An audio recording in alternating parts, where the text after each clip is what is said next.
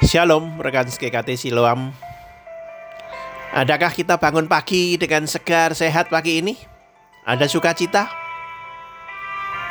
Marilah kita sama-sama berdoa sejenak dan kemudian kita merenungkan bagian firman Tuhan.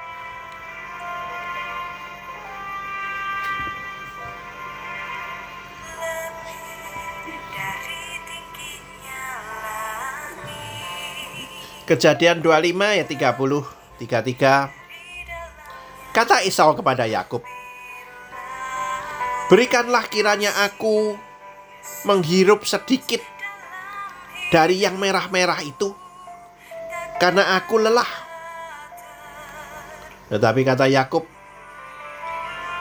Jualah dahulu kepadaku hak kesulunganmu. Saud Esau, Sebentar lagi aku akan mati. Apa gunanya bagiku hak kesulungan itu? Maka dijualnya hak kesulungannya kepadanya. Sebagai anak sulung, Esau mempunyai hak kesulungan. Ia berhak menjadi pemimpin rohani di keluarganya, di kalangan sukunya. Dia berhak melayani sebagai imam. Namun sayang, Esau bersifat keduniawian. Ia meremehkan hal-hal rohani. Maka dari itu, ia rela menjual hak kesulungannya hanya untuk memperoleh sepiring makanan Hal tersebut menunjukkan sikapnya yang masa bodoh terhadap perjanjian yang Allah adakan dengan Abraham, kakeknya. Ia bersikap masa bodoh terhadap hal-hal rohani. Esau dikatakan mempunyai nafsu yang rendah karena ia menomorsatukan keinginan jasmaninya saja dan menomorduakan kebutuhan rohaninya. Sebaliknya, Yakub mempunyai keinginan yang kuat untuk menyenangkan hati Allah. Ia menyadari bahwa hal-hal rohani lebih penting daripada hal-hal materi atau hal-hal yang jasmani. Seperti Esau pada zaman sekarang ini banyak yang bersikap masa bodoh terhadap hal-hal rohani. Urusan ke gereja, urusan doa, urusan baca firman, segalanya dianggap ah itu uh, sepele, yang penting kerja, cari duit, yang penting dapat duit.